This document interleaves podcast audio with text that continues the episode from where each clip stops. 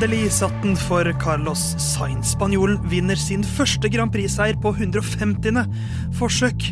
Det er mye å ta tak i i det som kanskje var det beste løpet så langt i år, etter eh, Storbritannias Grand Prix. Så skal vi også prøve å rekke å se litt fram mot Østerrikes Grand Prix. Alt dette i den 19. episoden av Lyden av Curbs.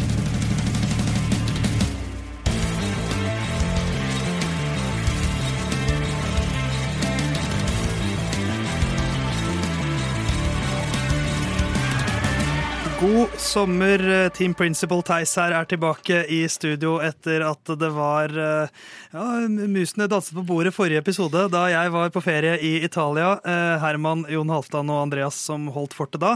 Jeg er tilbake, så da blir det kjedelig Lyd av Curbs igjen. Vår 19. episode, og det har seg slik at ingen Formel 1-fører har mer enn 19 sesonger i Formel 1.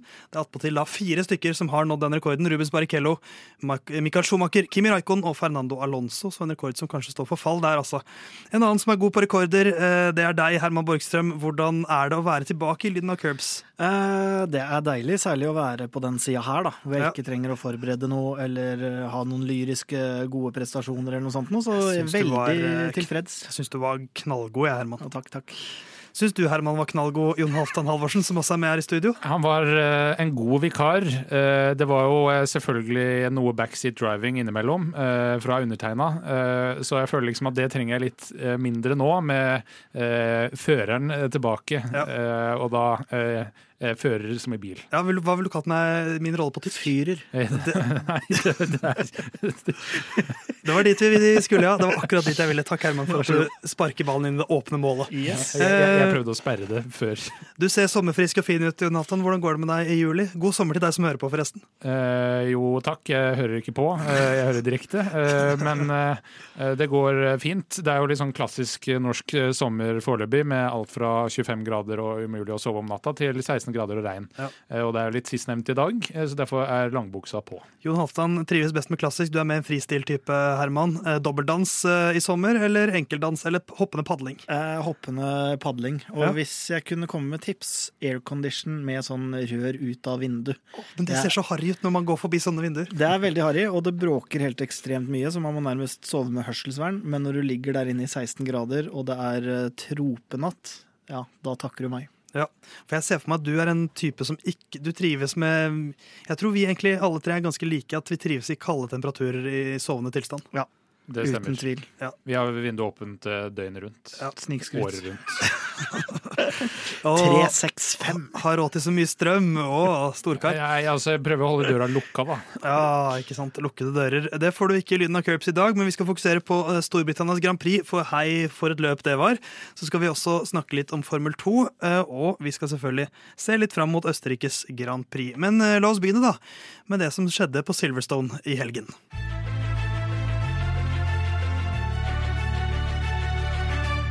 For hvilket løp det var vi fikk se på Silverstone. Eh, Men tradisjon tro så skal vi da begynne med å oppsummere dette løpet på eh, 60 sekunder. Eh, Og selvfølgelig var det jeg som fikk den oppgaven på den eh, dagen jeg ikke hadde tid til å forberede det så veldig. Jeg jobber jo også med en annen sport eh, i hele juli, som gjør at jeg kommer rett fra en annen sending eh, til opptak på, på denne episoden. Men jeg skal gjøre så godt jeg kan. Jeg satser på å lande et sted mellom 40 og 80 sekunder. Ja. Eh, Hvis jeg ikke får til det, er jeg fornøyd. For, for det er den sporten der Danmark er en del av Frankrike, er det ikke det? Ja, og de starter, jeg tror det France sa, de starter i Belgia i morgen. Så Men kommer du til å gå for samme variant som meg når jeg ikke var forberedt? da altså gå for en slags uh, YouTube-opplesning av hva man ser? Nei, jeg har skrevet ned noe, Ja. så jeg kommer til å lese alt jeg har skrevet. Ja. Og så får vi se uh, hvor mye mm, over tiden jeg går for. Om jeg, om jeg, jeg tror nok Det er større sjanse for at jeg går over tiden Ja, enn uh, en under i dag. Skal jeg bare telle ned? Tell ned, Herman. Ja. Tre, to, én, gå. I strålende britisk sommerregnvær tar Carlos Sainz sin aller første pole position foran Verstappen og lagkompis Leclerc. En svak løpsstart av rallysønnen sender Verstappen opp i ledelsen, men kaosstarten blir komplett når bilen til Shogun Yu ender opp ned og limer seg inn i barrikadene. Rødflagg. Alt går heldigvis bra med de involverte, men hendelsene skjer for tidlig på første runde til at Verstappen får beholde ledelsen. Ny start, Carlos på vakt nå og holder ledelsen. Verstappen smetter forbi med DRS, men kjører over noen vrakrester ikke lenge senere og får en betydelig gulvskade. Så slutter bilen til Ocon plutselig å drikke bensin. Safety car nå, eh, denne gangen med Leclerc i ledelsen.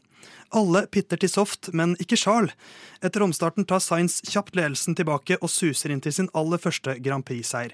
Bak ham utspiller det seg en ellevill kamp mellom Leclerc, Perez og Hamilton om podieplassene. Perez og Hamilton kommer seg forbi eh, foran en skuffet Leclerc, som nok en gang spørsmålstegn, har blitt sviktet av Ferrari.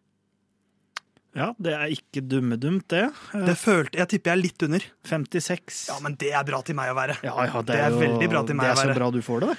Rett og slett. Ja, 56 sekunder. Eh, det var jo cirka eh, Jeg skal ikke prøve å komme Det var ikke så lenge løpet til Shogun Yu varte. Nei, for Eh, du kunne Tida ut av bilen varte det nok mer enn 56 sekunder. Mer enn som så. Kanskje det var så lang tid George Russell brukte på å løpe fra sin egen bil i den tunge, tunge grusen bort til, eh, til bilen til kineseren. Men jeg må si jeg, jeg vet ikke helt hvor vi skal begynne. Skal vi begynne med kvaliken?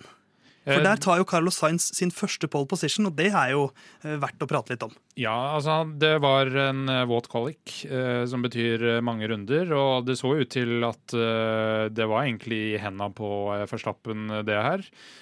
Sainz på sin pole position-runde følte jo ikke at det gikk så veldig bra, men Typisk for en våt kvalik, kanskje, at du aner egentlig ikke helt hvor fort du kjører. Nei, og han hadde nok ikke tatt pole position hvis ikke Leclerc hadde spunnet foran Max Verstappen, som skapte gulflagg. Eh, og eh, han hadde ikke noen åpenbare tabber heller, han bare bremsa veldig ned til det.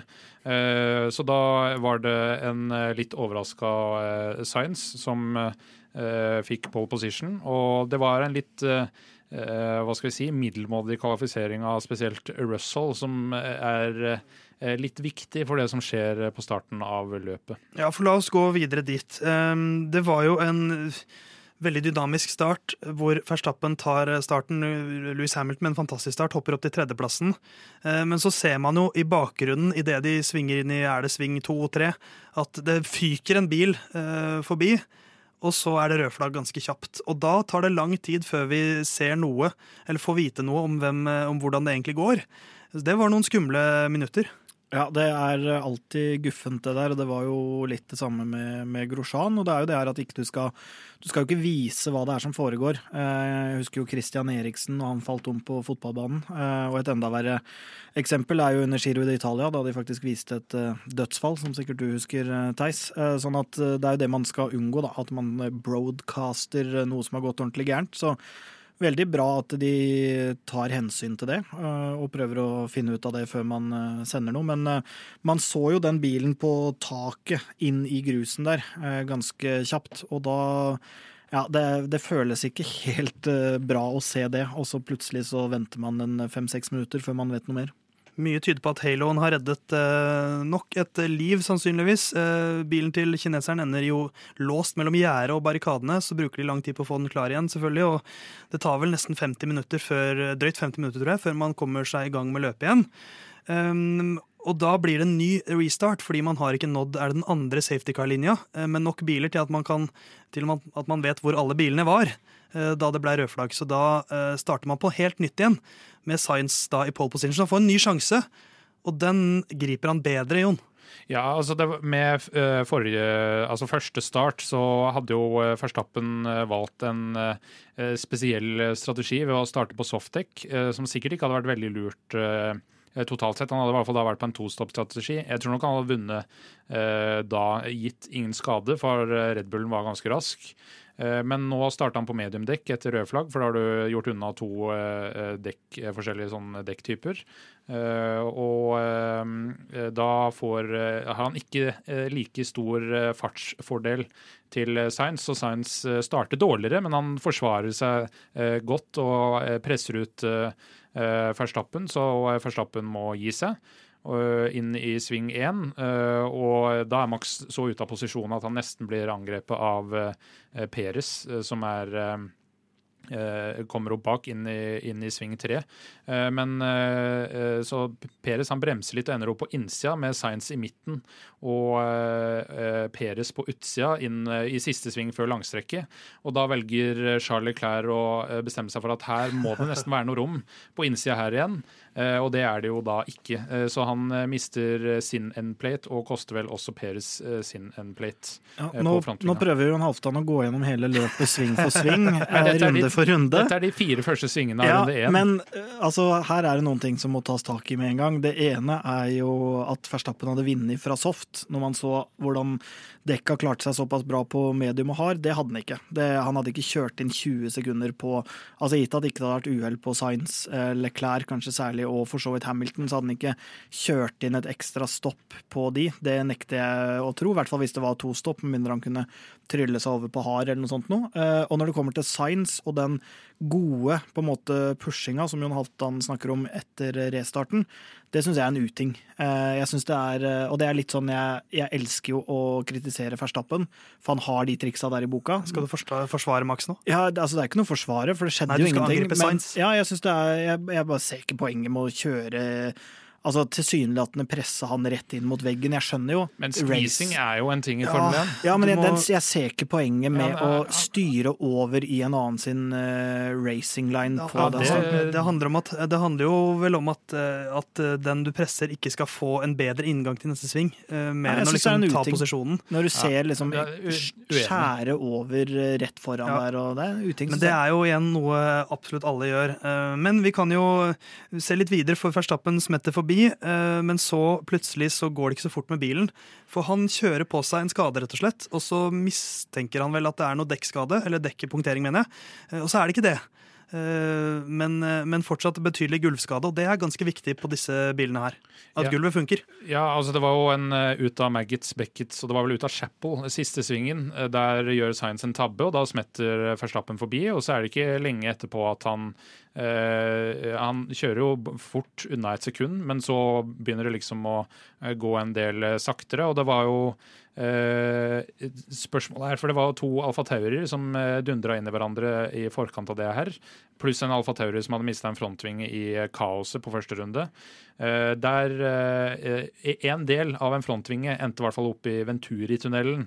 Altså de tunnelene som er under dekka, som skaper downforce. Dette er jo, som vi har snakka om en million ganger, ground effect-biler. Og det, ifølge Christian Horner, kosta de 20 downforce, som iallfall senere i løpet virka å putte de på nivå med has. Eh, men han eh, kjører inn, eh, pitter fordi han tror han har punktering, og så er det egentlig om å gjøre å få mest mulig poeng som han kan klare. Og det så ikke veldig bra ut. Nei, så Max ender jo til slutt på en, på en sjuendeplass, men det blei jo en durabelig fight i, i sjiktet over der. Og det som skjedde på de siste rundene, det tenker jeg vi skal ta et lite fokus på nå.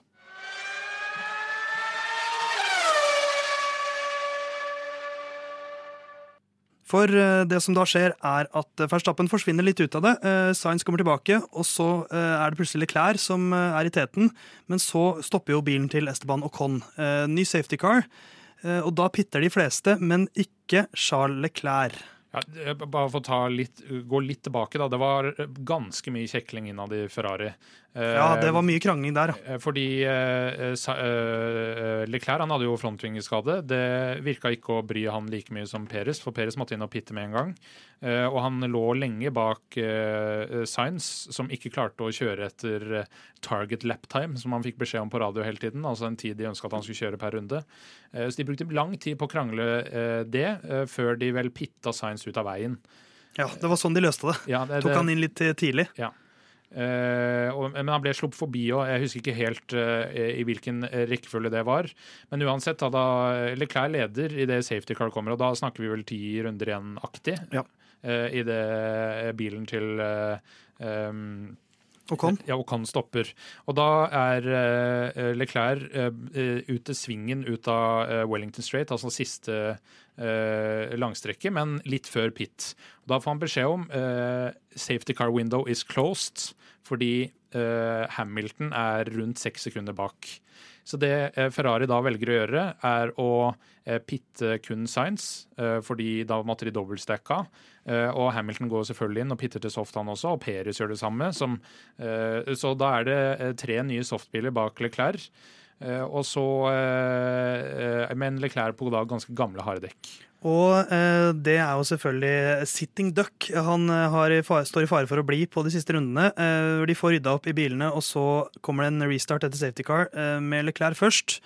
Og eh, Sainz kommer seg forbi ganske kjapt. og det vi får, Herman, er den beste racingen eh, vi har sett i årets sesong. Ja, uten I kampen om andreplassen. Ja, uten tvil. Og det er jo, det, er jo enda mer å tilføye til det her med Ferrari, fordi det er jo en, eh, en evig kamp hvor eh, Leclerc mener at han skal forbi Sainz, for han kjører fortere. Det gjør han jo.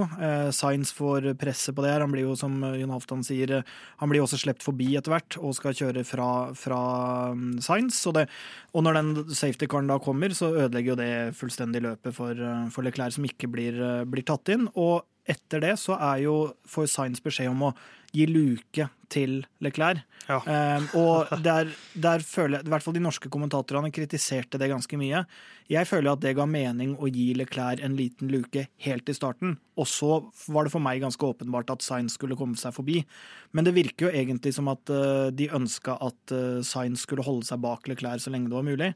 Og det gir jo ikke noe mening på de dekka. Så idet han kjører forbi, så har i hvert fall jeg et inntrykk av at han har rett og slett gått rogue eh, og kjører forbi litt uh, uten at det, de ønska det, da. Ja, det- Altså det, det, det gir jo mening. Han er jo, altså Hvis han først begynner å stoppe opp, dekka blir, begynner å kjøle litt ned og han, han Jeg skjønner jo veldig godt hva Carlos Sainz eh, gjør der, eh, og samtidig som jeg skjønner litt hva Ferrari prøver seg på. Men, eh, men det, det blir jo som det blir. Men, eh, men jeg vil jo gi en del skryt til både Perez, Hamilton, Leclerc, eh, også Alonso og Norris, som ikke er så langt bak der.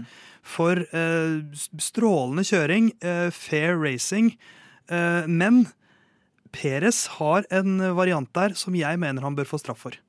Hvor han, eh, for han, Det som vel skjer, at han tar han, er det der han tar Leclerc, men passerer seg Hamilton samtidig. samtidig. Så han tjener ikke noen posisjon. Men han har en, en strekk hvor han, han kutter en sving et sted. Ja, Hvor han beholder posisjonen sin. Men han, altså, han tjener jo ikke en posisjon, men han kommer seg foran Leclerc. Men Hamilton smetter jo da forbi han. Men der er vel der han ble pressa ut uh, av uh, eh, svingen også. Altså, jeg mener det, jo, det skjer jo så mye der at Ja. det liksom, jeg, jeg syns jo samlet sett at det er fantastisk kjøring av alle tre. Og spesielt der mener jeg jo at Leclerc viser litt hva som bor i han. På eldgamle harddekk eh, så forsvarer han seg så fantastisk godt, og så blir det fjerdeplass til slutt. Men fy søde for en prestasjon. Ja, det er det. Men eh, altså, vi skal bare snakke litt om Ferrari. Jeg syns det, det er en nå At de er i eh, en kamp, eh, en eh, konstruktørtittelkamp, det er greit nok. Eh, Så de hadde kanskje tapt poeng, men de hadde tapt færre poeng hvis de hadde dobbeltstacka Ja, ja, Det er no-brainer. De, de, de ser jo hva som skjer med Ocon der. Ja. De burde bare sendt han inn med en gang. Ja, og det, det var ikke noe problem, og de safety car var ute også, så det var, det var, de hadde tid til å ta inn begge. Det hadde vært Science måtte blitt stoppa litt, og så kunne Hamilton kanskje eh, latt være å pitte og da hatt eh, førsteplass. Eh, Men da hadde man putta Hamilton i den posisjonen, og så hadde han helt greie harddekk. Men Mercedesen er snille med dekka, men det betyr også at de bruker lang tid på å uh, fyre de opp. Så det hadde ikke vært noe problem å komme seg forbi, tror jeg, med begge bilene etterpå. Uh, og så blir de seende ganske sånn idioter ut på, med diskusjon på radio. Og i tillegg da så ender det opp med Leclerc, som er deres uh, første kandidat, eller man skulle iallfall tro det.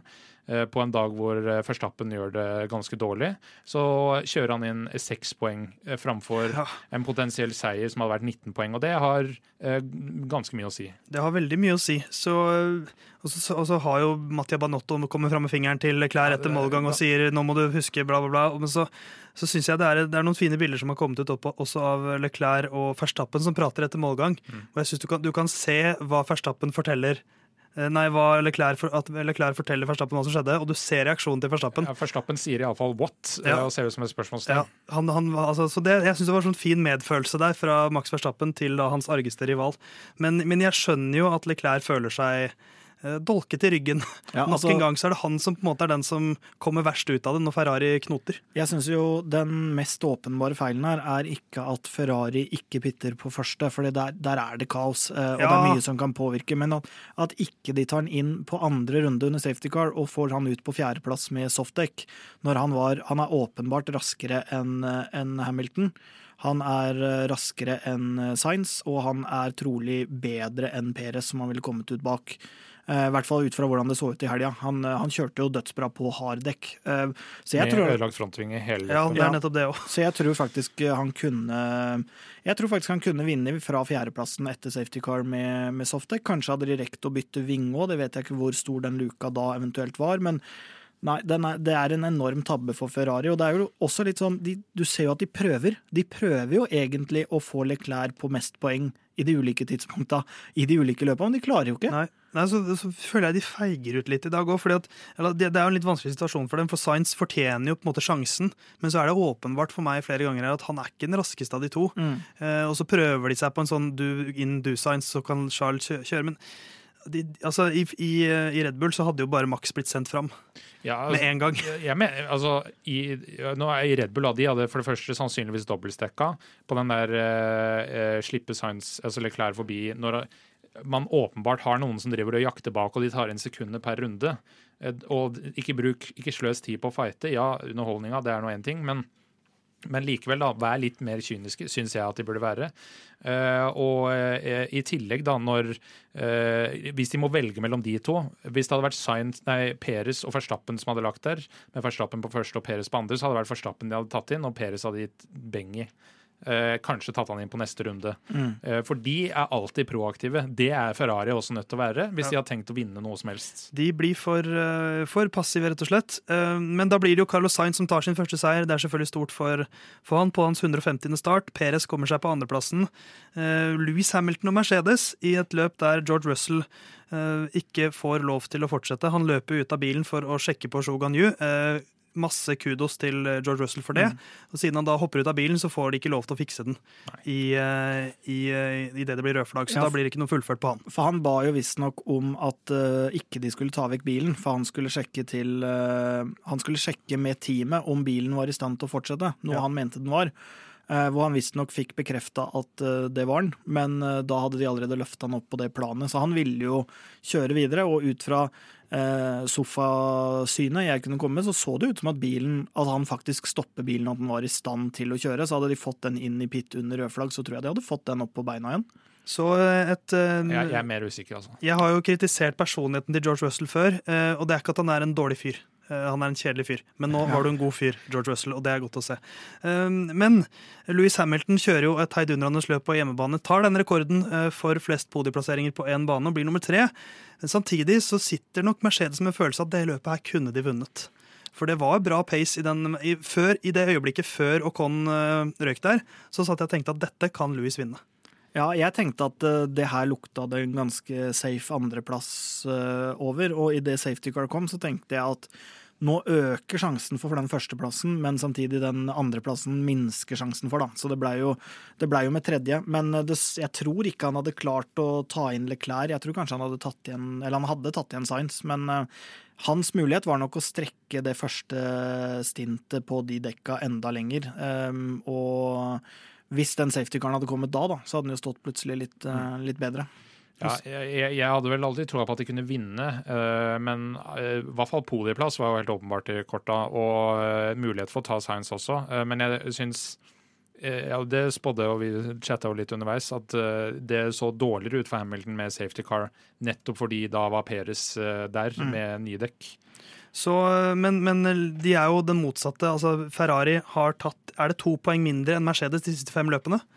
Uh, og det i seg selv er jo ganske rått når du har en så bra bil ja. som Ferrari har, uh, og Mercedes, uh, som har fullført hvert eneste løp med begge bilene helt til nå. det er George Russell da DNF-er. vi har prata mye om topplagene nå, vi kommer sikkert tilbake til det, men la oss titte litt lenger ned på resultatlista.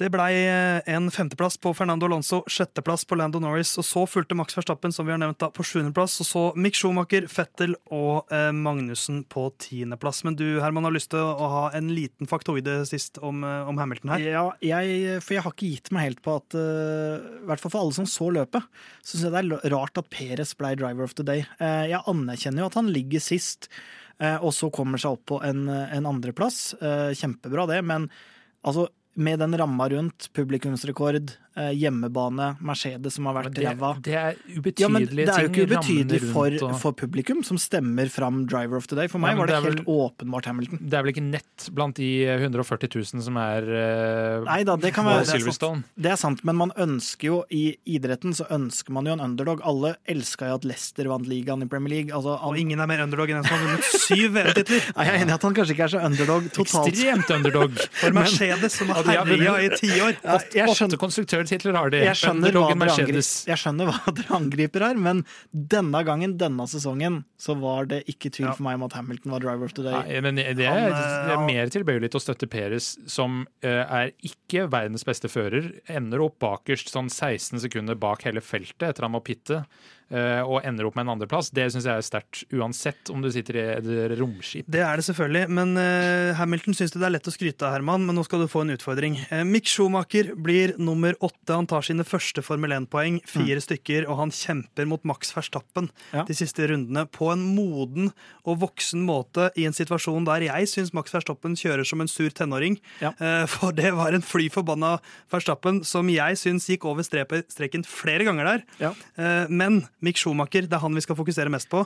Fire poeng, eh, og han kjører et veldig godt løp. Ja, han gjør det. Eh, og å, i og med at du spiller meg opp her, jeg syns jo, bare for å nevne det, Verstappen syns jeg var ganske ålreit på radioen. Virka, altså, jeg vet at vi får jo filtrerte ting, de kan jo, de kan jo vinkle det akkurat sånn som de vil. Jeg syns han virka til å ta motgangen ganske greit, men så syns jeg den kjøringa mot Mikke er litt grisete. og jeg ser ikke helt poenget mot å, å kjempe sånn på en sånn måte helt nederst i feltet, selv om alle poeng teller. Men uh, da er det, da er det, i hvert fall det nevnt. Uh, og så syns jeg Mick gjør eh, en, eh, en bra jobb, men sånne løp som det her lever jo litt sitt eget liv liv også. Det er vanskelig å Her kommer det. det er, det er vanskelig å si Det er vanskelig å si akkurat hvor sterkt Ja, det er han enig. gjør, eh, på en måte er, men eh, for, altså Lance Stroll kommer jo på 11., er det vel, eh, og Latifi på 12. Det er klart det er ikke poeng, det er ikke helt det samme, men det er, Og det er ikke, seks biler som ikke fullfører. ja, så det er ikke gitt at de gjorde det kjempebra. Altså, det, er ikke, det er ikke alt man kan lese ut av den lista, sånn, men det kan jo være det her som starter eh, å snu trenden for den, da. For det har jo vært mye negativt. For det er jo, handler jo litt om å Det er som en spiss som er i en måltørke. Mm. Det viktigste er å få den ballen i mål. Om det er en bredside fra to meter, så er det en scoring. Og da liksom synker presset litt.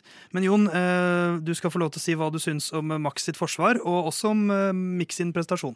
Eh, Ja, kan jo starte med det. da, at eh, Det er jo greit å se at eh, Max forsvarer sjuendeplasser som han forsvarer førsteplasser. Det syns jeg for så vidt er fair, men jeg Eh, syns jo han går over streken. Eh, ja, det kan, vil sikkert noen si. Jeg er alltid av den formening, og også som samme årsak til at Louis Hamilton ikke skal vinne ved Driver of the Day bare fordi han er på hjemmebane, at ingenting i Formel 1 er gratis. Så Mick er nødt til å gjøre jobben, og han må gjøre jobben skikkelig eh, ved å komme forbi. Men det gjør han jo på en måte. Han, han, blir, så man han si- blir skvist flere ganger. Han blir skvist flere ganger, der så hvor det er alt og, langt over streken. synes. Så kan man spørre er det eh, bevisst, sånn det er fullt mulig. Har man lite downforce som man eh, understyrer ut? Det er liksom de to eh, mulighetene her. Om man kunne kjøre forbi på innsida osv. Men uansett, eh, Schumacher ender eh, etter safety car sju sekunder bak Norris. Eh, og ganske gode tre sekunder foran eh, Fettel også. Eh, så jeg syns vel totalt sett så er det en, mer enn akseptabelt, akseptabelt løp. Og han utkvalifiserer jo også Magnussen, som er det like vi har å måle opp mot. Og den hasen er jo ikke oppgradert siden Bahrain, så vidt jeg vet. Eh, og Så totalt sett så syns jeg at det er eh, absolutt bra Mick. Eh, ikke noe tabber. Og han kunne jo tabba seg ut her. I, Ja, for det er dette det. Han kjører veldig Ja. modent også bak en beinhard maks. Det, det skal han jo også Ja, skryte for for. sist, sist gang han var i den posisjonen, her, så var det mot Fettel, og han gjorde en hasardiøs manøver, og begge var ute av løpet. Så det, liksom, det viser at han har lært litt. Så eh, strålende levert av, eh, av eh, Mick Schumacher. Fettel tar da to poeng. Kevin Magnussen tar ett poeng. Så er det Hamilton også som får den eh, raskeste runden. Så summa summarum da etter, eh, etter eh, Storbritannias Grand Prix er at Max Verstappen leder med 181 poeng. Eneste løpet han har fullført i år uten å være på podiet. Sergio Perez ligger på andreplass, 147. Eh, Charles Leclerc er nå på 138, og så er plutselig Carlos Sainz oppe i ryggen hans på 127, med Russell på 111, eh, Hamilton på 93. Um, og Charles Leclerc, vi må prate litt mer om han. Altså. Han begynte jo sesongen så bra, 1-2-1, og så sjetteplass, andreplass, DNF fjerdeplass, DNF femte og fjerdeplass. Du blir ikke verdensmester med resultater som det der. Nei, det er jo Nå skal jeg forsvare oss, da. Det er jo det her, eh, litt det her vi Nå kommer, nå kommer Carlos! Det oss! jo- Vamos! ja. Vamos! Det er jo litt det her vi spådde uh, når vi, når vi Nå kommer Mercedes og Carlos. Nå, ja, nå skjer det. Ja, det er jo litt det. Er jo en tendens vi ser, da, faktisk. Så jeg syns vi har vært inne på noe, og, ikke minst jeg. Men hvis man ser på poenga eh, og kjøringa, så er det jo ufortjent at ikke det er en større luke mellom Leclerc og Sainz. Vi kan, altså, noe annet kan man jo ikke mene. Men Nei, nei. så er jo noe med det her eh, som du har vist eh, digitalt mange ganger, gang, Theis, og for så vidt Jon Altan, sammenligna med meg, at eh, det med stabilitet, få inn poeng, eh, en fjerdeplass eh, som er trygg, kan gi eh, gode poeng hvis man summerer opp det til slutt og sånne ting. Så ja, det er, jeg syns det er litt urettferdig at de er så tett på hverandre, men eh, ja, det er for mange feil på Leclerc, da, og, og bilen ikke minst, og teamet, så det er jo sammensatt. Ja, er man konvensjonell, så er jo eh, det bare den eh, hva er det, femteplass han har fra Imola, som er liksom hans feil. Eller sjetteplass, husker ikke hva eh, det endte med der. Ja, den her, da, så, så jo, tar jo han vinga i utgangspunktet, og skader bilen, Ja, som men han er jo- preger Han er jo fortsatt rask. Han tar en luke som ikke er der. Ja. Det er jo absolutt hans feil at han dundrer inn i Peres. Det er ikke Peres som lukker noen luke der. Men hvis man skal være mer streng eller mindre konvensjonell, så er jo det også hans feil. For han kunne tvunget Ferraris hender. Jeg kjører inn i pit nå, det er safety car. Eh, Det er det han burde gjort. Det, det spiller ingen rolle. Ok, jeg bare kjører forbi Carlos Sainz nå. Få, Mm. han, få han unna veien, eller så blir det et krasj her. Så han kan være hardere med laget. altså det er jo forskjellen mellom han og Verstappen. Verstappen høres grinete og streng ut på radio, eh, men det er liksom dynamikken mellom han og hans eh, race engineer. Eh, Men det gir jo gjerne resultater i Max sin favør. Ikke nødvendigvis det som er nødvendigvis strategisk riktig, men her hadde han tvunget inn en eh, pit. Eh, Det, det er liksom forskjellen på de to. Science er mye mer sånn, sånn som i Monaco. Vi kjører rett over på slicks. Leclerc bare gjør som laget sier. Ja, og så er det jo faktisk også sånn når man tenker på Ferrari da, og Leclerc, så når Sainz først får beskjeden om å slippe Leclerc forbi, så er det ikke noen protester eller noe sånt. Det virker som at, virker som at han skjønner, både når de maser ganske tidlig i løpet, at Leclerc er raskere, vi må ha raskere rundetider, så virker det som han skjønner, han skjønner eh, dynamikken, han skjønner spillet. Så jeg tror de kunne slipt han eh, Leclerc forbi ganske mye før, og jeg tror ikke Sainz hadde wina sånn utrolig mye over det, for han virka som han forsto greia. Nei, og i- den eh, situasjonen der, da, så å ha, henge på DRS-en til Leclerc er bedre enn å ligge og sinke Leclerc foran. Så eh, Ferrari Ferrari. Det er mye å, mye å rydde opp i. Eh, skal vi gå videre og se litt på hvordan det gikk med tippinga vår, eller gutta? Jeg syns vi må nevne Latifi først. Nicolas? Ja, for en, eh, for en opptur, da. Ja, han kommer kommer seg til Q3, det må vi selvfølgelig nevne. Ja. Beklager. Nei, ja, det det må du faktisk beklage. Eh, Tolvteplass blir han jo også til slutt. Han Ja. gjorde en forferdelig innsats i Q3 da. Det han gjorde var å kjøre ut av pit og spinne inn i veggen. Ja. Eh, men Overtenning. Men han får jo også en kjempestart før uh, Shoganyo uh, krasjer der. Altså, det er jo han eh, eh, Høna eller egget, da. Russell får en dårlig start. eh, Latifi får en god start. Han angriper imellom de to. og, og, og off he go. Så det var faktisk litt surt for Latifi at ikke de fikk stå på de nye plassene sine når, når restarten gikk. Men det var jo en opptur for Latifi, som, som ser ut til å ikke ha den lyseste framtida i Formel 1.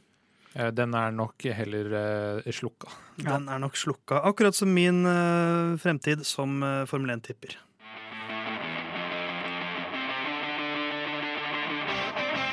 Eller er den egentlig det?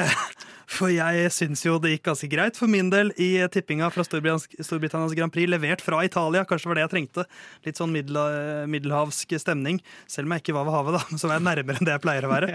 Uh, men uh, vi kan jo oppsummere kjapt. Uh, vi tippa Verstappen og Verstappen og Hamilton ganger to som vinnere.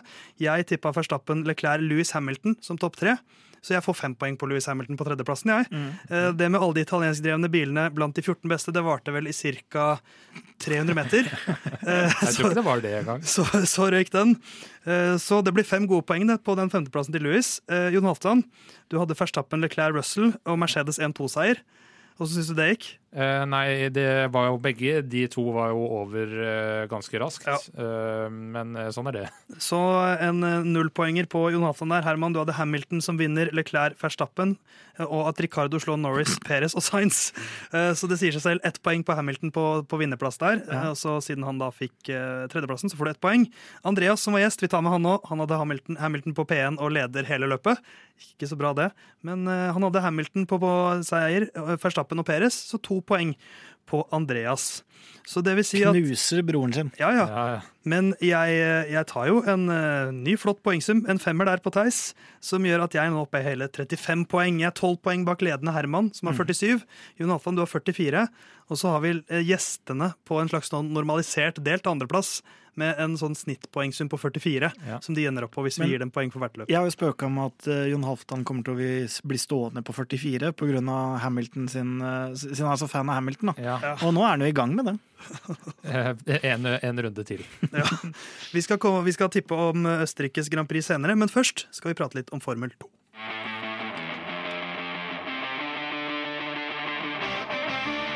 Dennis Hauger, eh, en ny helg i Formel 2. Eh, Det gikk ikke like bra denne gangen som eh, i den forrige Formel 2-runden. Kvalifiseringen gikk ganske dårlig. 13.-plass. Og Prema som prioriterer å forsvare dekkene, så da blir det færre forsøk. Og Dennis på en ganske svak 13.-plass der. Um, Så kommer sprintløpet.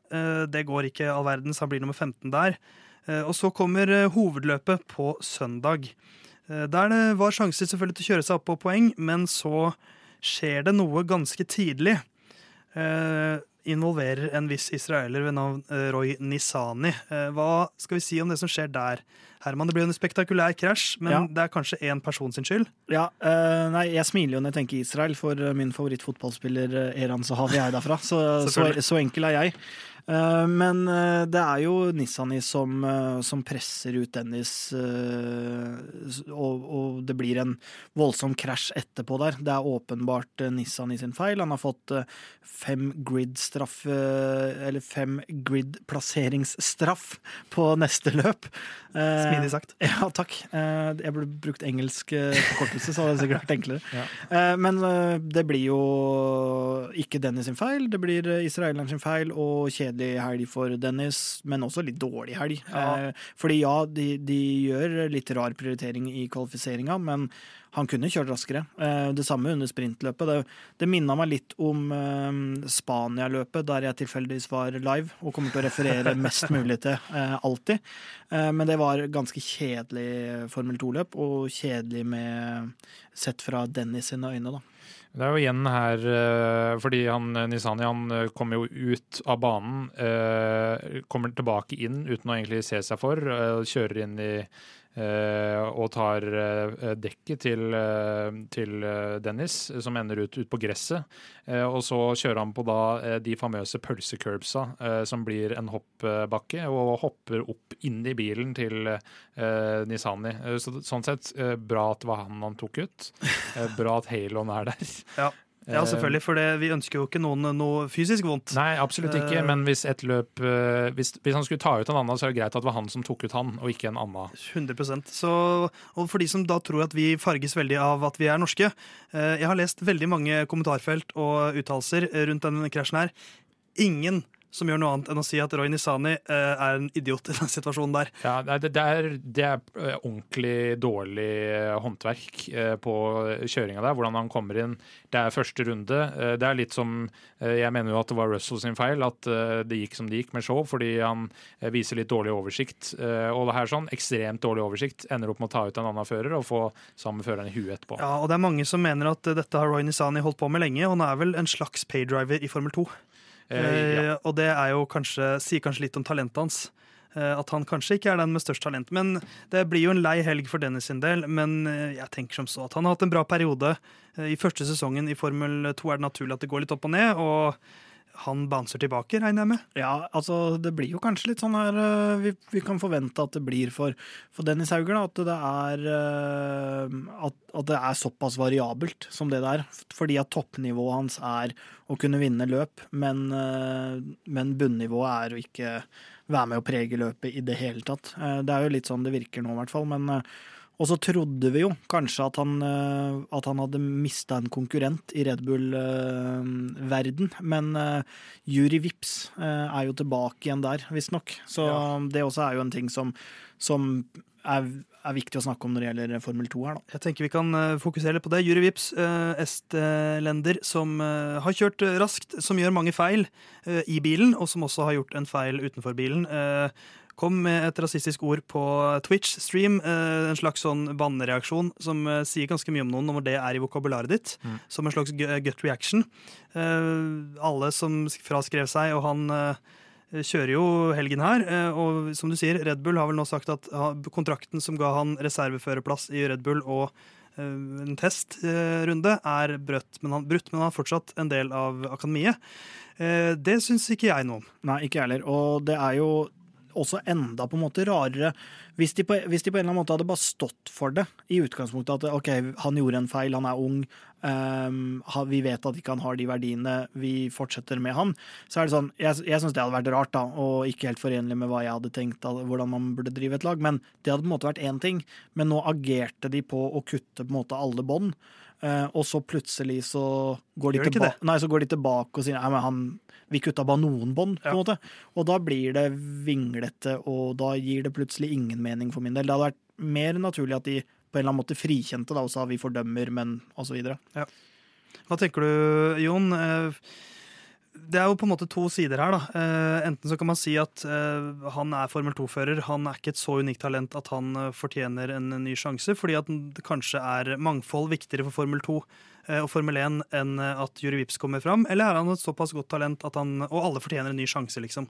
Hva er viktigst egentlig her? Nei, altså Det første her er jo at det er en ø, ung fører ø, som har liksom satsa sitt ø, levebrød på det her. Og Uh, altså Det er det man ønsker å jobbe med. Uh, og så kan man jo si ja, at man sier det i uh, affekt er et dårlig tegn. At man i utgangspunktet har et vokabular som ikke skal være der. Og absolutt fordømmes det. om det er sånn at karrieren skal være over pga. det, er jo selvfølgelig et spørsmål man kan stille. så jeg syns jeg syns vinglinga er verre, som Herman er inne på. Enig. Men jeg forstår, eh, kan forstå Hightech og Red Bull at de velger eh, Da selvfølgelig hadde det vært uttalt tidligere, eh, men det er jo Hightech. De kom ikke med noe uttalelse ennå og sa at han får en mulighet til. En siste mulighet. Og det aksepterer jeg. Det er ikke sikkert alle andre vil akseptere det. Full forståelse for det. Men en tabbe er en tabbe. Og hvis det er en tabbe én gang, da er det det. Noe annet er en vane. Eh, så da, det er jo liksom hvordan man eh, går herfra, da. Og så er det jo sånn at uh, man lærer jo faktisk uh, engelsk på litt ulikt uh, vis, da, hvis man faktisk skal forsvare avgjørelsen til Red Bull. noe jeg ikke egentlig er sånn supergira på, men det her med Sunoda f.eks., som snakka sånn mekanikerengelsk og banna mye og sånn. det er klart, hvis du, hvis du, faktisk har hørt enormt mye på rappmusikk, sett gangsterfilmer, så er det jo Altså, det kan jo påvirke dagligtalen på et, et andre språk, men jeg syns nok at eh, det er viktigere å tenke på signaleffekten eh, og tenke på um, hva det faktisk signaliserer ved å prate sånn, og, og, ved å streame det, ikke minst. At ikke man er mer oppmerksom på det da, kontra hvis man ikke hadde streama det, alle de tinga her. Så jeg, jeg, heller mot at det er feil avgjørelse å la han eh, fortsette i Red Bull. Ja. Men uh, uansett så skal uh, Jury Vips kjøre i uh, Østerrike nest, uh, nå til helgen. Det er en ny Formel 2-runde. Lykke til til Dennis Eiger. Vi håper at du slår tilbake, slik du har gjort allerede minst én eller to ganger tidligere denne sesongen.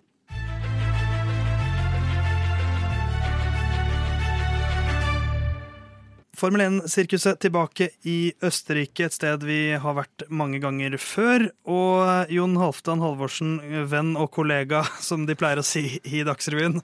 Bare de kutter ut vennedelen. Eh, kan ikke du ta oss gjennom Red Bull Ring? Eh, oi, hvem er det som er på hjemmebane her, gitt? Eh, ja, nei, Det er jo Red Bull.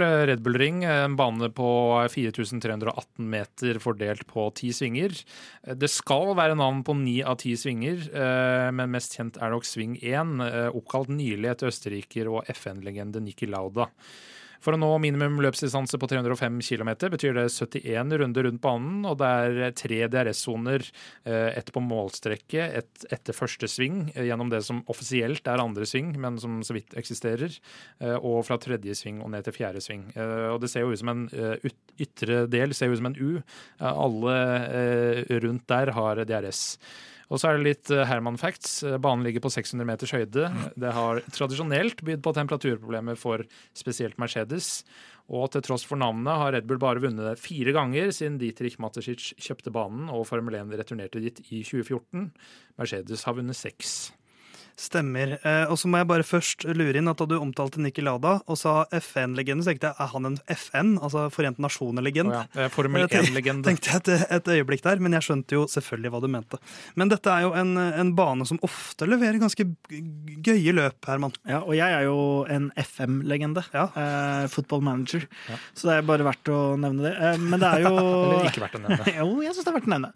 Men eh, det er eh, ofte bra løp der. Det er et løp man ser fram til. og og det er en korrelasjon mellom hvordan den er å kjøre digitalt, og hvordan den ofte er å oppleve eh, når man ser det på TV.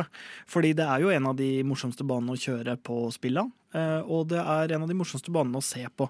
Så jeg har store forhåpninger her. Det er jo noe med det at den banen er såpass kompakt, eh, og i tillegg så er det litt høydeforskjeller. Så det er jo Det skjer på en måte noe hele tida, og det har også potensialet for å skje noe hele tida. Så jeg syns det er en kul bane, og gleder meg til, til helga.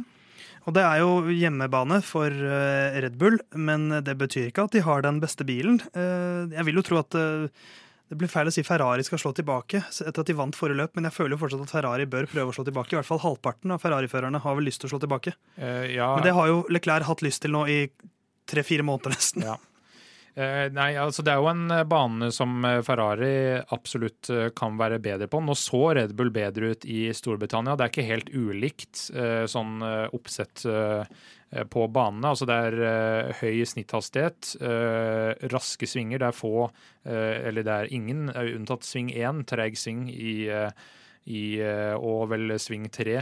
Eh, og den kan... siste før uh, mål også må jo være ganske treig. Der kjører de ganske fort, altså. Ja, jeg tror det er femtegir gjennom der. Men jeg, ville, jeg, jeg, kan ikke se for meg at man kan sammenligne helt med Silverstone, for der har de jo de lange strekkene også. Det er jo ikke det på samme måte her. Ja, det det er tre av de her, da. Ja, Men ikke som er så lange. Eh, de er ganske lange her. Eh, jeg kan ikke si på meteren sammenligna med, med, Silverstone, men det er to baner som ligner på hverandre karakteristikk, karakteristikkmessig og downforce-messig. Eh, nå er det jo også høyere, så da har man gjerne litt større vinger enn det man pleier ellers for å matche downforce. Men jeg tror nok det vil stå mellom Red Bull og Ferrari her, altså. I hvert fall på performance særlig sånn hvordan man tar vare på dekka og hvor dekkslitasjen er osv. Nå var det jo to runder der eh, i fjor. Eh, begge ble vunnet ganske overlegent av Verstappen. Det hadde vært mye kulere hvis du liksom helt genuint nå satt og tenkte lurer, det står nok mellom McLaren og Haas.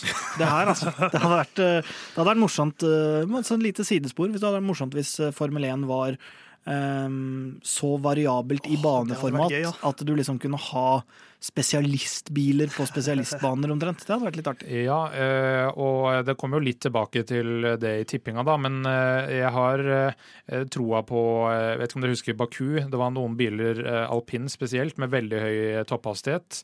Jeg tror de kan bli veldig vanskelig å kjøre forbi i, på Red Bull, fordi det er ikke noen annen plass å kjøre forbi med svinger. Så det er liksom på langstrekka. Så lenge de har høy nok fart, så skal de klare å holde bilen bak. Ja, You shall not pass. Ja, ja det er noen som sier det. Men uh, det, kan det bli noe mer spenning her, da? Altså, Peres nærma seg jo uh, i toppen med andreplassen sin og sjuendeplassen til Verstappen i, i, Storbritannia. Eh, vi er jo nå i en situasjon hvor det skal ikke så mye til før Carlos Sainz er forbi Charlie Clair. Nei, det er helt sant. Og en annen snakkis blir jo Mercedes. Um, ja, for jeg syns jo Science har virka såpass mye treigere enn Leclerc. Eh, og hvis man ser nå i, i, Storbritannia Grand Prix, så var det jo ganske ekstremt. Eh, Leclerc med en skada bil eh, er så mye raskere. Men Så, men hvor, hvor mye bedre Altså, fortsetter Mercedes oppturen? Hvor mye bedre blir de, nærmer de seg? Det er jo faktisk ekstremt interessant, og det må jo være en drøm for alle Formel 1-fans, til og med Jon Halvdan, å få et eh, tredje lag opp og kjempe om løpseiere på jevnlig basis her. Ja, absolutt. Eh, og det kan godt hende at de gjør det eh, bedre her. Eh, jeg er jo der at jeg må se de i noen runder over forskjellige baner før jeg vil liksom si ja, de er tilbake. Men mot en litt Hvis det er én som underpresterer, da, en av de to topplogga, så er både Hamilton og Russell iallfall i stand til å ta noen poeng eller plasser fra de. De, jo, de har vært på podiet tre løp på rad. Eh, For eh, Mercedes nå, så, så det er jo, de er jo veldig stabilt oppi der. da. Hvis, og det, det er som du sier, det er jo alltid en av de topp fire som gjør én feil. Ofte kanskje to av dem. Og Ja. Da er sjansen der, og det har Mercedes. eh, Og jeg syns jo de virker nærme, at, de, at de er nærmere nå enn de var for to måneder siden. da. Ja, altså De spiste jo dekk i starten av sesongen. Nå, er de, nå virker de mer snille med dekka, og så er det jo litt sånn hvordan eh, det er, det humpete bane, og det er jeg litt usikker på om Østerrike er, eller altså Red Bull Ring. Eh, Så eh, hvis det er ganske slett bane der, så vil de gjøre det bedre. Men det er mye opp og ned. Det er ganske mye, det er fra sving to opp til eh, eh, Eller fra sving én og opp til sving tre, så er det ganske lang oppoverbakke, og så er det nedover etter eh, der igjen. Så ja, vi får se. Vi får se, og jeg tenkte vi skal se eh, hva eh, våre tippetips til eh, Østerrikes Grand Prix er nå.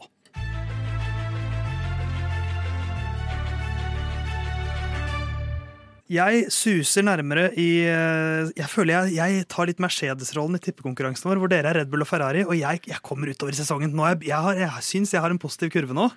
Eh, Jeg har truffet på litt eh, Ukens sjukinger, jeg har truffet litt på, på andre ting. Eh, Jeg prøver meg igjen, men det er ikke jeg som skal begynne med å levere mitt tippetips, hvor vi da tipper topp tre og Ukens sjuking, som er en vill hendelse vi tror kommer til å skje i løpet av løpshelgen. Mm. Herman, Ja. hva tror du? Altså, Er jeg Red Bull eller Ferrari, forresten? I den, Du er jo da uh, Du er Ferrari, i og med at du, du Nei, du leder, så du er Red Bull. Ja, takk. Det er jo stort å være på on the dark side, sånn sett. Eh, Jeg tipper, eh, jeg tipper fra tredjeplassen, for å gjøre det litt vanskelig. På tredjeplass kommer Science. Notert. På andreplass kommer Leclerc. Og på førsteplass kommer Verstappen. Utrolig spennende. Ja, det er veldig ja, men altså, Men det må vi slutte å si når vi sier altså, Ja. alle, Det er jo ikke det. Det er, altså, det er greit, det, Herman. Jeg er mer interessert i hva du tipper som uh, Ukens sjuking. ja, Skal jeg ta den med en gang? Ja, jeg synes det. Ja, jeg har da, jeg kunne prøvd meg på å dele opp uh, her for å se om den første ville bli godkjent, men det gjør jeg ikke. Jeg har Latifi topp ti i kvall og løp. Oi! OK. Jeg får hold for den. Eh, Ja, så det skal holde hardt, eh, begge deler, så ja. Ja, for jeg vurderte egentlig nå, så, så tenkte jeg jeg kan bare si sånn Latifi topp ti i kvall. Jeg kan også bare la han henge, og så hadde dere reagert. Og så kunne jeg slengt på og løp. Men det er minste gutser. motstandsvei, da, fordi du tenkte hva var det som var spesielt i forrige løp? Latifi. Ja, men det er jo morsomt hvis han fortsetter en eh, tendens og vokser på den. Jeg, jeg tar ikke noe kritikk av den, altså. Jeg syns den er bra. Du får godkjent av meg. Ja. Ja, ja, selvfølgelig. Men du var litt inne på kreativiteten her. Ja. Jeg kritiserer kreativiteten. Og det skal du ikke gjøre med en innholdsprodusent. Det skal man ikke gjøre. Eh, Da er det vel min tur. Jeg tror jeg skal begynne med ukens sjuking. Eh, fordi det rettferdiggjør pallen bedre. Eh, manglende strategi fra Ferrari fører til at Sainz og Leclerc krasjer i hverandre, og begge må bryte. En gang til. Manglende strategi fra Ferrari fører til at Sainz og Leclerc krasjer i hverandre og må bryte. Ja, det er så mange faktorer der at uh, jeg godkjenner den. Og Ja. det fører da til tredjeplass Fernando Alonso, andreplass Sergio Perez og førsteplass Max Verstappen. Ja, Der er vi, jo. ja det er ikke noe det er, Jeg godkjenner den. Og det er jo, man vil jo debattere da, at hvis de krasjer, og de ryker ut, som er på en måte to faktorer her, var det pga. manglende strategi? Ikke sant? Ja, det kan man selvfølgelig si, men hvis de krasjer i hverandre Jeg skjønner jo hva du mener, at Ja. ikke blir Altså, de krasjer ut. Én er raskere enn den andre, Ja, og det blir en hasardiøs eh, eh, forbikjøring. Om vi hører det på radio eller ikke, spiller ikke så mye rolle. Det smarte valget hadde vært å slippe forbi. Ja men, ja, men det må jo være litt sånn her, sånn som på Silverstone, da, at det er liksom de sekunderer en som må kjøre på visse løpstider, og så blir han andre lei, på en måte. Ja, Det kommer an på. Ja, den blir, den blir omdiskutert. Hva er din, eh, Theis? Nei, altså jeg må jo først si at min ukens sjuking var uh, ganske lik som din, Herman. Så nå jobber jeg litt desperat for å prøve å finne på en ny en, for jeg har ikke lyst til å gå samme veien. Hva var den opprinnelig? Uh, nei, det var Latifi til Q3 for andre gang på rad. Ja, skjønner. Og du stoppa der, ja. Og I og med at jeg ligger sist, så tenkte jeg at det holder. Ja. Eh, For jeg er jo fortsatt sist, med ganske god margin. Så, så eh, Nei, men jeg, jeg kan jo begynne med min topp tre, da, så skal vi se hva, hva det blir til i ukens sjuking. Jeg, jeg aner ikke hva det blir akkurat nå. Eh, Max Verstappen vinner. Eh, Charlie Clair blir nummer to. Eh, Sergio Perez blir nummer tre. Eh, så eh, vi har ingen her som har gått helt samme veien, men alle har gått for Verstappen som vinner. da. Ja. Og da er spørsmålet hva i alle dager skal jeg, skal jeg, nå skal jeg improvisere fram en ukens sjuking? Ja, Vil du at jeg skal rante om noe i mellomtida, eller? Nei, for jeg kommer til å si at Lando Norris vinner. Ok. Halv, halvgardering der.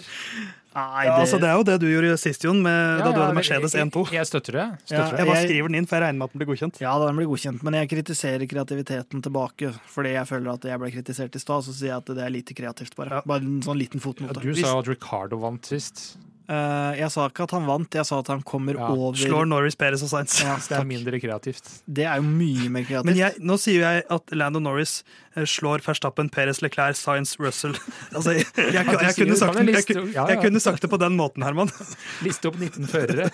Ja, det hadde vært bedre, spør meg. Men da er det altså slik Verstappen vinner, det er vi enige om. eh, Og så er vi litt uenige om hvem som blir nummer to og tre. Men eh, Herman mener at Latifi tar topp ti i kvalik og i løpet. Eh, Jonathan mener at en strategisk, strategisk blemme fra Ferrari gjør at det blir dobbeltkrasj og bryt. Og jeg tror at Lando Norris vinner. Lykke til eh, med, med ukens sjukingtips eh, til deg der hjemme også.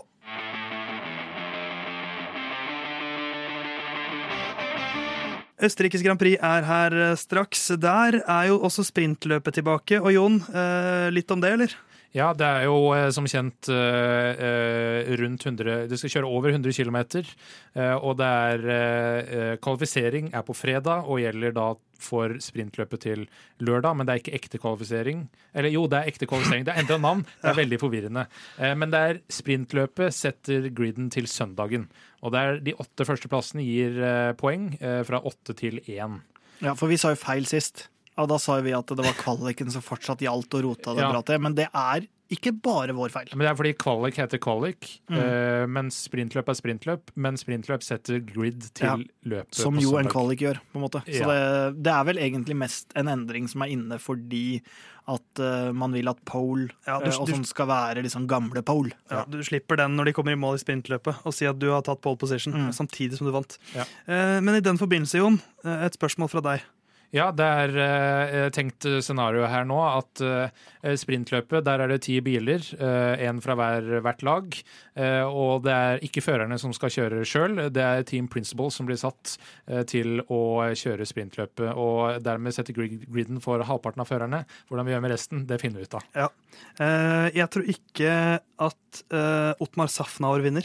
Eh, Det tror ikke jeg heller. Jeg vet ikke om han får plass. Eh, Nei. Han og, eh, og Zac skal ikke, Brown. skal ikke patshame noen. Jeg hadde ikke fått plass sjøl. Men Nei. uh, Zac Brown og Otmar Staffnauer de hadde slitt litt med å uh, få trøkka seg ned i den Ja, Formel 1-bilen. så tror jeg. tror jeg også at det flagrende håret til Mattia Binotto skal, blir for vanskelig å få inn i hjelmen. At det bare ender Ah. foran øynene hans. Du har glemt Giovinazzi nå, da. Ja, stemmer det. Men han, men han har et mye lettere hår å kontrollere, for det okay. går bakover. Mens Ja. Binotto sitt går jo oppover og utover. Uh, men, men, det, det er, men sånn det står jo mellom Toto Wolff og Christian Horner, som begge to har uh, altså, Ja, racerbilerfaring. Det har vel han i Williams òg, har han ikke det? Uh, han, Jost eh, Capito? Ja. Ja. Jo, det kan godt hende, men hvis de da kjører i Williams-bilen sin, uh, så jeg vet Ja. ikke om han er så god. Nei, det er nok Men altså, hvis du hadde tenkt Hvis du hadde fjerna eh, Hvis Kimi Raikon plutselig hadde kjørt den Williams-bilen mot uh, Christian Horner og Toto Wolff i sin Ja, det tror jeg hadde så, så hvis det hadde vært såpass stor uh, forskjell, da Vet ikke Jeg hvor Kimi Raikonen Raikon kom inn fra, men eh, Jeg tror ikke Johs Capito har kjørt Han har bare leda. Ja, ok. Har han det? forskjellige lag. Ja. Men, men Toto Wolff og Christian Horner, hvem av dem hadde holdt best nivå i en Formel 1-bil? tror du? Jeg, tror- jeg tror at Toto Wolff er best trent. Jeg- Selv om Horner også er godt trent, så tror jeg Wolf, Wolf har en sånn as, noe sånn asketisk ved seg. Jeg tror han er, jeg tror han er beist fysisk. jeg tror jo i hvert fall at de ville ligna ganske mye Jeg tror at Toto Wolf uh, ville vært ganske lik Bottas uh, i liksom kjørestil, og jeg tror Horner veldig Altså ligner veldig på Verstappen. En enda, en enda drøyere Max Verstappen, tror jeg. Ja. Han, hadde, altså, han hadde brukt så mange tjuvtriks. Og så hadde uh, Wolf sittet i bilen bak og sagt 'This is so not right!' Eh, og så kommer Christian til å si 'We went motor racing'. Og det hadde vært so not right. Ja. Men uh, Christian Horner hadde gått først i mål. Hvis det da hadde vært noe Fiat i stedet, eh, så hadde eh, han fått eh, tidsstraff og endt bakerst. Men vi skulle jo egentlig Nå har jo uh, Nikki Lauda gått bort for noen år siden. Men hadde du skalert opp til Nikki Lauda mot Helmut Marko, så hadde det vært enda mer interessant. Men den har vi jo mista nå, selvfølgelig. Ja, det har vi. Eh, Jeg tror vel eh, eh, Altså Horner er litt mindre, eh, altså lavere, så jeg tror det hadde passa bedre sånn sett. Så jeg hadde vel eh, hatt en liten eh, favoritt der, også pga. bilen. Eh, Men eh, også er det kortere siden hans racingkarriere enn det det er Toto Wolff. Ja. Ja, altså For en gangs skyld så skal jeg ikke argumentere mot, uh, mot Red Bull. Men jeg er jo, som til dere to, da, så er jeg litt skuffa over at mitt eh, forslag om å avslutte det her med hvem som lager best dyrelyd, ikke kom med. Men eh, det får vi jo ta en annen gang. Men jeg, jeg støtter eh, Red Bull. Jeg eh, støtter også at Christian Horner er raskest, men at han får en, en gridstraff eh, etter å ha kjørt veldig grisete i hver eneste sving mot Otto Wolff.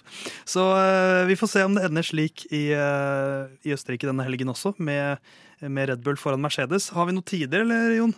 Det har vi. Eh, Vi kan, vi kan trå vannet litt, Herman. Hva gleder du deg mest til i helgen? Og nå trodde Ja, jeg, ti- der er tidene klare. nå trodde jeg skulle få en dyrelyd. Gi oss, gi oss en dyrelyd, Herman. Ja, Og takk det til var dyret. Nei, det, var, det er jo mer en sånn gammel klassiker fra, som vi holdt på med på ungdomsskolen. Ah, okay, så Men det, det, var, er jo, det må jo være en katt, eller, tenker jeg? Det er opp til deg å avgjøre. En liten, snill Nei, en stor, slem kattepus. Kjør tider, Jon. Ja, eh, FP1, eh, altså første trening, starter halv to på fredag. Og så er det da kvalifisering klokka fem eh, på fredag eh, ettermiddag. Eh, Og så er eh, da sprintløpet 16.30 på lørdag, og hovedløpet er 15.00 på søndag. Så med andre ord, masse å glede seg til i helgen, og Herman ler. Ja, ja, jeg bare skamma meg litt over den dyrelyden og hadde litt lyst til å komme med en til. Ja, En til. Du der hjemme, Vi skal ikke si hva slags dyrelyd det var engang. Men lykke til til alle Formel 1-førere, og håper du der hjemme koser deg eh, med sommeren. Og kos deg med Formel 1 i sommer også. Og velkommen til kombinasjon. 30-åra, Theis! Tusen takk. 30 i går. Det er en for en bragd. Eh, 3-0 over livet. Eh, vi gleder oss til Østerrikes Grand Prix. Hør på lyden av Curbs gjennom hele sommeren. Tips gjerne en venn om oss hvis du syns dette er ålreit og du kjenner en som liker Formel 1. Eh, Si gjerne du. Sjekk ut lyden av Curbs. Det er bra greier. I hvert fall stort sett. Men de er ikke så gode på dyrelyder. Vi er tilbake neste uke. Kos deg med Østerrikes Grand Prix.